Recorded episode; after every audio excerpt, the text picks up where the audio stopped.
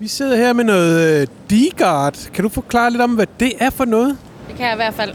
Det er verdens første e-call-system, der er udviklet specielt til motorcykler. Det vil sige, det er et automatisk eller et manuelt nødopkald, du kan foretage for din motorcykel, i tilfælde af, at du har brug for det.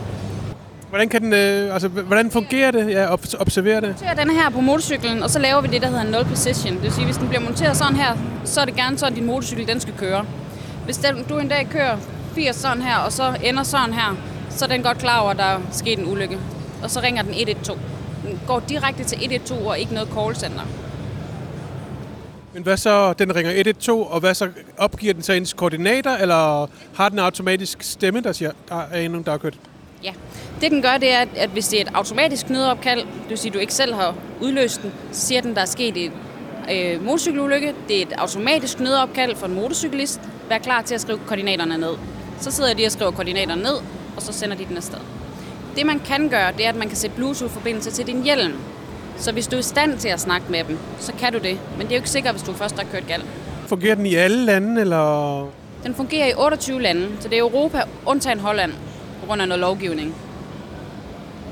Det er jo også øh, meget stor del af det hele, kan man sige. Så hvad, øh, hvad kræver det? Altså, den kan monteres på alle motorcykler. og- den kan monteres på alle motorcykler. Det er simpelthen en universal kit, der følger med. Den skal have plus og minus og tændingsplus.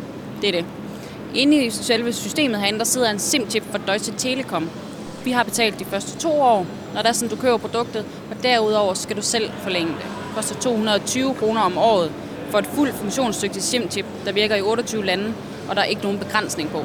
Så du kan track alle dine ruter, uden det koster dig ekstra data og sådan noget.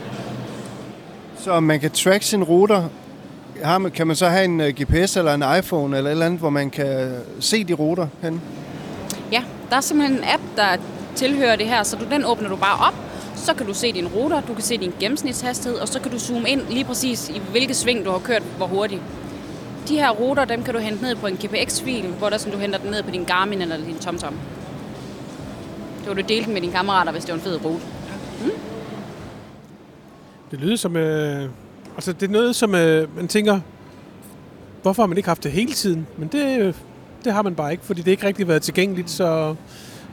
Det er jo altså virkelig relevant, kan man sige. Jeg har faktisk tænkt på det før, når vi har været ude at køre i, i Sverige, hvor jeg sådan, okay, der er ikke noget telefondækning her. Vil den så virke? Det der med den, det er, at den kører jo også på telefondækning, men den tager jo alle de dækninger, den kan. Så kan du ringe nødopkald på din telefon, vil den også kunne dække.